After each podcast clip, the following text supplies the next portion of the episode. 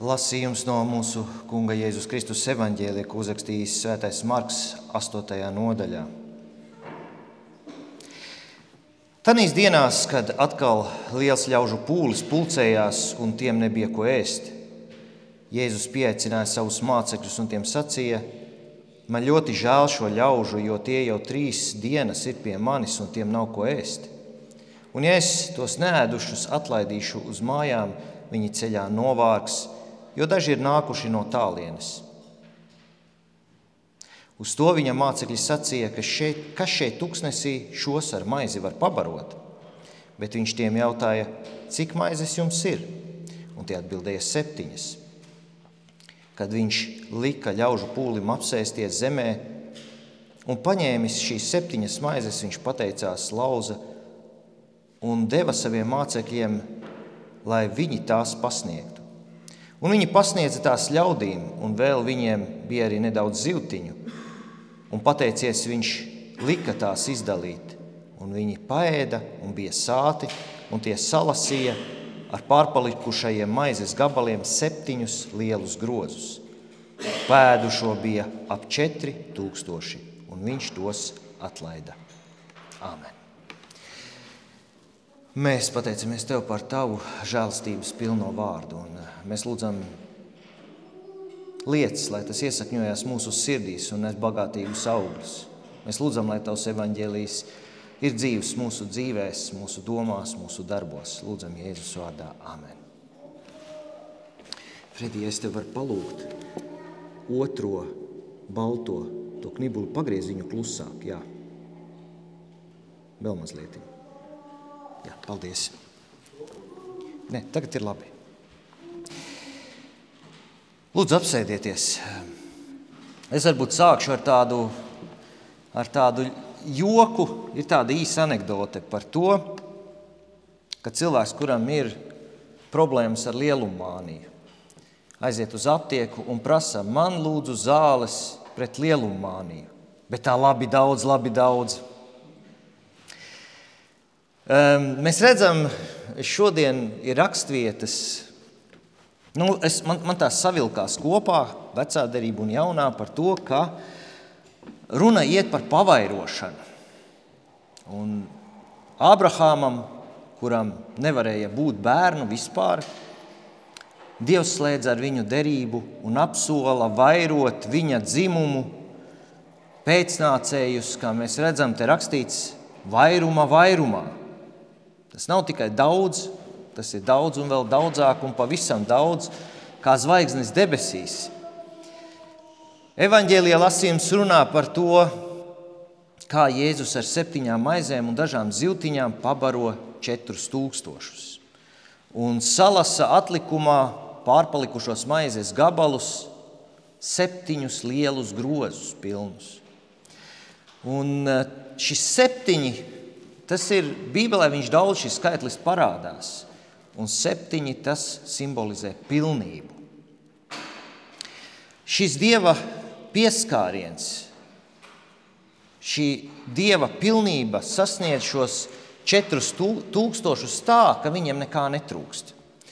Un, ja mēs atceramies, parasti gaveņa laika sākumā ir šis Bībeles pants par to, ka cilvēks nedzīvo no maizes vien, bet no katra vārda, kas iziet no Dieva mutes, tad mēs redzam šeit, ka viņiem ir Dieva vārds, ko viņiem sludina pats Dieva dēls, un viņiem arī šīs fiziskās barības netrūkst, ka viņiem viņi ir pēduši un sāti, un vēl septiņi lieli grozi ir pielasīti pilni. Tātad mēs redzam, vecā derība, pavairošana, jaunā derība, Bet, ja mēs domājam par šo vēstules lasījumu, par vēstuli romiešiem, eh, viņa paskaidro mazliet to būtību, kas ir starp to, to es vēlāk paskaidrošu, jo mēs nevienmēr uzreiz ieraugām kaut kādas likuma sakarības, skatoties arī uz savām dzīvēm.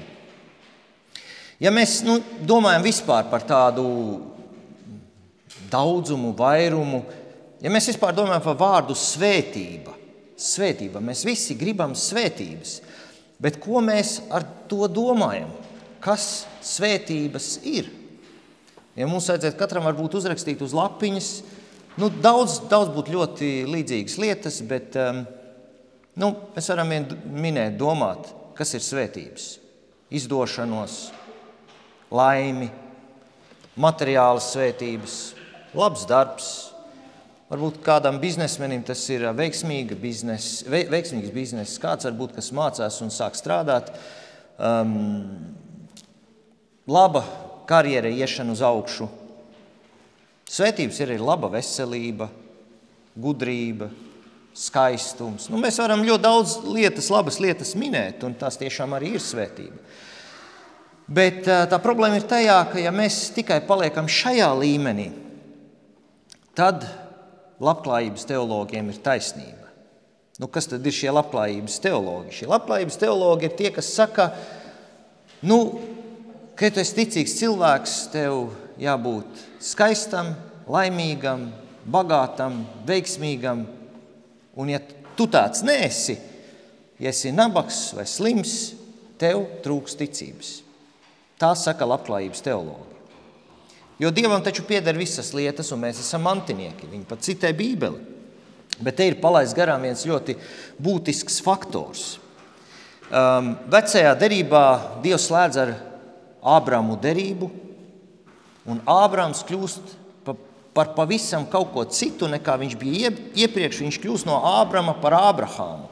Un vārds Ābrahāms, kā to arī mēs dzirdējām, šī vārda nozīme ir daudzu tautu tēvs. Un derība, ko Dievs slēdz ar Ābrahāmu, ka Ābrahāms staigā Dieva priekšā un ir nevainojams. Un ko tas prasīja Ābrahāmam? Tas viņam prasīja visu. Jo Dievs viņu aicināja ārā no tēva mājām, kur bija viņa dzimta. Mēs jau varam stādīties priekšā, kā tajos laikos cilvēki dzīvoja. Jo, ja tu esi ārpus savas dzimtas, savas ģimenes, tu esi neaizsargāts, apdraudēts. Viņš, protams, paņēma ļoti daudz līdzi un, un, un gāja tur, kur Dievs viņu sūtīja. Tad Dievs caur šo derību aicināja Ābrahāmu pamest visu un doties tur, kur viņš pats nezina, kur. Um, jeb tur, kur Dievs viņam teiks, iet, tur arī viņš gāja, viņš paklausīja. Un Ābrahāms tiek svētīts ar šo apsolījumu, ko Dievs viņam dod par šiem pēcnācējiem. Ja mēs skatāmies vēstulē romiešiem, ko tikko dzirdējām, apustulis Pāvils runā par jaunās derības cilvēkiem, nu tādā Ābrahāma kontekstā. Viņš runā par mums. Kaut kādā mērā mūsu derība ar Dievu Es tikai saku kaut kādā mērā, jo tur ir daudz aspektu. Uh, ir kristība. Un kristība, nu, mēs viņu nevaram saukt par pilnīgi par derību, jo kristība ir arī evaņģēlijas, kur vienkārši Dievs nāk un izglāb mūs no pazudināšanas. Un šajā derībā mēs varam pateikt, nē, mēs varam pretoties kristībai. Pat kas ir kā bērns nokristīts, viņš var pieaugt savā dzīvē un pateikt, nē, un aiziet. Bet tas svarīgā, svarīgākais, kas mums ir uz kristību, attiecībā uz kristību jāsaprot, ko arī saka vēstule romiešiem, mēs kristībā kļūstam līdzīgi Kristum viņa nāvē. Līdzīgi kā Ābrahāms dabūja pamest visu un iet tur, kur Dievs viņu aicina, tā mēs arī kļūstam līdzīgi Kristum viņa nāvē. Tas nozīmē to pašu attieksmi pret pasauli, kā bija Kristum, tāda arī mūsējā kļūst. Un savukārt pasaules attieksme pret mums arī kļūst tāda pati, kā tā bija pret Kristu. Un tā rezultējās, kā mēs zinām, Jēzus Krusta nāvē. Tā, tāda pati attieksme kļūst pret mums arī vēlnam, kāda tā bija pret Kristu. Un nekas jauks jau šajā nav. Tās ir vajāšanas, nicināšana, apspiešana, kārdinājumi, uzbrukumi. Bet tad, kad mēs to piedzīvojam, mēs tad varam saukt sevi par patiesi svētīgiem.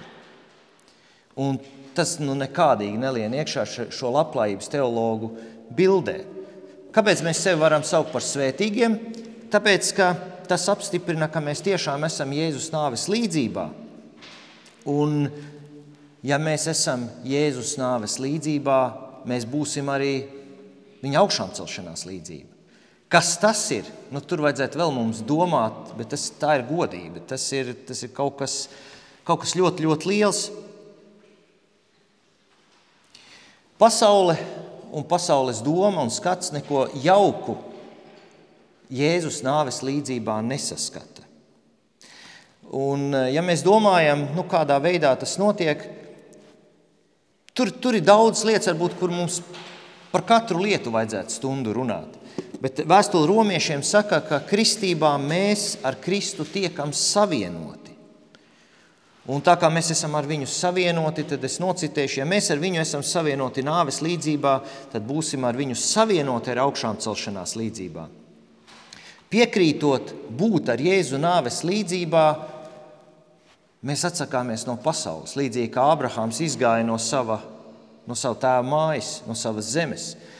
Tas nozīmē, ka Mums vairs nav saistošs tas, pēc kā dzenas pasaule. Mums vairs nav interese izpatikt vai pasaulē un iekārtot savu dzīvi, it kā mēs šeit dzīvotu vēl vairākus tūkstošus gadus. Jo bieži vien mēs nu, skatoties uz cilvēkiem, varbūt kā cilvēki dzenās pēc šīs pasaules atzinības un, un, un mantas un labiekārtojuma. Tā, ka, nu, mēs varam saprast, ja mēs dzīvojam dzīvi uz nenoteiktu laiku līdz 70, 80, nu, kāds simts dzīvo. Ja tas ir adekvāti, tad, tad tur viss kārtībā. Bet kādreiz cilvēki dzenas pēc tā visa, it kā viņi vēl vairākus tūkstošus gadus šeit dzīvotu. Bet tas svarīgais tajā visā ir, mums par augstāko prioritāti kļūst Dieva griba. Un kristībā mēs tiekam savienoti ar Kristu šajā pasaulē, tad mēs tiekam uzlūkoti tāpat kā Viņš. Mēs nesam Kristus vārdu. Un kristībā arī mūsos iemājo svētais gars, kas mums atklāja un ļauj šo dieva gribu realizēt. Un tad, kad mēs esam dieva gribā, tad iestājas šī īstenā pilnība. Esot dieva gribā, mēs pakļaujam savu gribu svētajam garam, un mūsu sirdis tiek izmainītas ka mēs sākam gribēt to pašu, ko grib Dievs. Un, kad tas notiek, tad Jēzus saka, un to mēs esam vairāk kārtīgi lasījuši, ka tad mēs varam Jēzus vārdā lūgt visu, un tas notiks. Kādreiz kristieši saka, nu, tur tā rakstīts, bet es lūdzu, un nenotiek. Bet tas ir saistīts ar to, ka mēs esam Dieva gribā. Un, ja mēs gribam to pašu, ko Dievs, nu, tad arī tas viss notiek. Jo Dievs jau arī to grib. Tad, kad mēs esam Dieva gribā un darām Viņa prātu,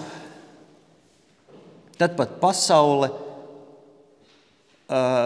to, to redzot, nu, ja mēs skatāmies uz pasauli, kā viņi uzlūko, uzlūko tās lietas, kas Dievam ir viņa griba, kā piemēram Kristu, viņa krusta nāvē. Pasaule to uzskata par lielāko neizdošanos, bet mums tas ir vislielākais spēks. Tas ir atnesis daudzām, daudzām dvēselēm glābšanu. Pasaulē tā ir, tā ir katastrofa. Bet tas svarīgākais ir meklēt dieva gribu savā dzīvē. Meklēt to, kam Dievs mani ir aicinājis, ko Viņš caur mani vēlas darīt. Kad mēs esam tajā, tad nāk patiesas svētības. Bet ne tādas svētības, varbūt, ko pasaule teiktu, ka tā, nu, jā, Tas tur ir arī, arī bet tas svētības ir arī tādas, ko mēs tikai ar garīgām acīm varam ieraudzīt. Kur varbūt mēs izdarām kaut ko pilnīgi necilu, uz ko Dievs mums ir aicinājis. Un varbūt tajā momentā, ja skatāmies ar pasaules acīm, tas ir smieklīgi. Bet, ja mēs esam darījuši to Dieva gribā, tad pēc gadiem tam ir tādi augļi, kur mēs pat nevaram iedomāties. Mēs esam paklausījuši mazā sīkumā, bet tas var pārvērsties par kaut ko, par kaut ko lielu. Tā kā mēs esam Dieva gribā, šie augļi parādās ne tikai šajā dzīvē, bet arī debesu valstībā, ko mēs saucam par mantu debesīs. Mēs nevaram saprast, kas tas ir. Nu, droši vien, tas nav kaut kas materiāls, jo mēs esam šeit miesā un, un, un arī šis miesīgais ādams ir mūsos, kas visu grib redzēt mantā bet tās svētības ir daudz pārāks par to.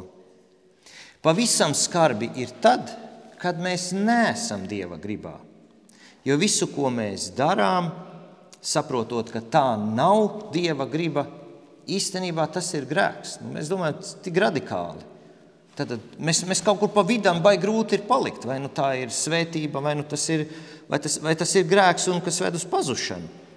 Visu, ko mēs nedarām ticībā uz Dievu, tas ir grēks. Un tas ir tā, nu, mēs, mēs par to varam tā loģiski mēģināt izdomāt un saprast. Tātad, līdz ko mēs kaut ko darām, un mēs zinām, ka tas nav Dieva prāts, ko mēs darām, nu, loģiski, ka tas ir grēks. Ja mēs saprotam, ka Dievam to nevajag, bet mēs tik un tā to darām. Un ja mēs sevi uzskatām par kristiešiem, kuri nesam Kristus vārdu, mēs meklēsim Dieva gribu. Ja saprotam, ka mēs savā dzīvē esam maldījušies, ja mēs neesam kaut kur, kaut kādā dzīves jomā bijuši Dieva gribā, varbūt esam dzinušies pēc saviem mērķiem, bet Dieva gribu atstājuši novārtā, Dievs mūs aicina pie sevis. Viņš mūs aicina grēksūdzē, un Dievs ir žēlsirdīgs, un Viņš Kristus dēļ mums piedod. Bet tas svarīgākais ir, ka mēs atgriežamies. Un tā, ka mēs esam atgriezušies pie tā punkta, kur mēs Dievam neesam paklausījuši, mēs atkal nonākam atpakaļ Viņa gribā.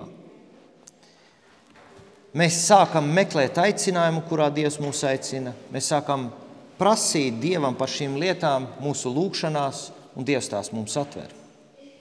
Un tad mēs piedzīvosim pasaules, varbūt nicinājumu, vēlna nicinājumu, bet mēs piedzīvosim arī Dieva lielu svētību, apsardzību un vadību.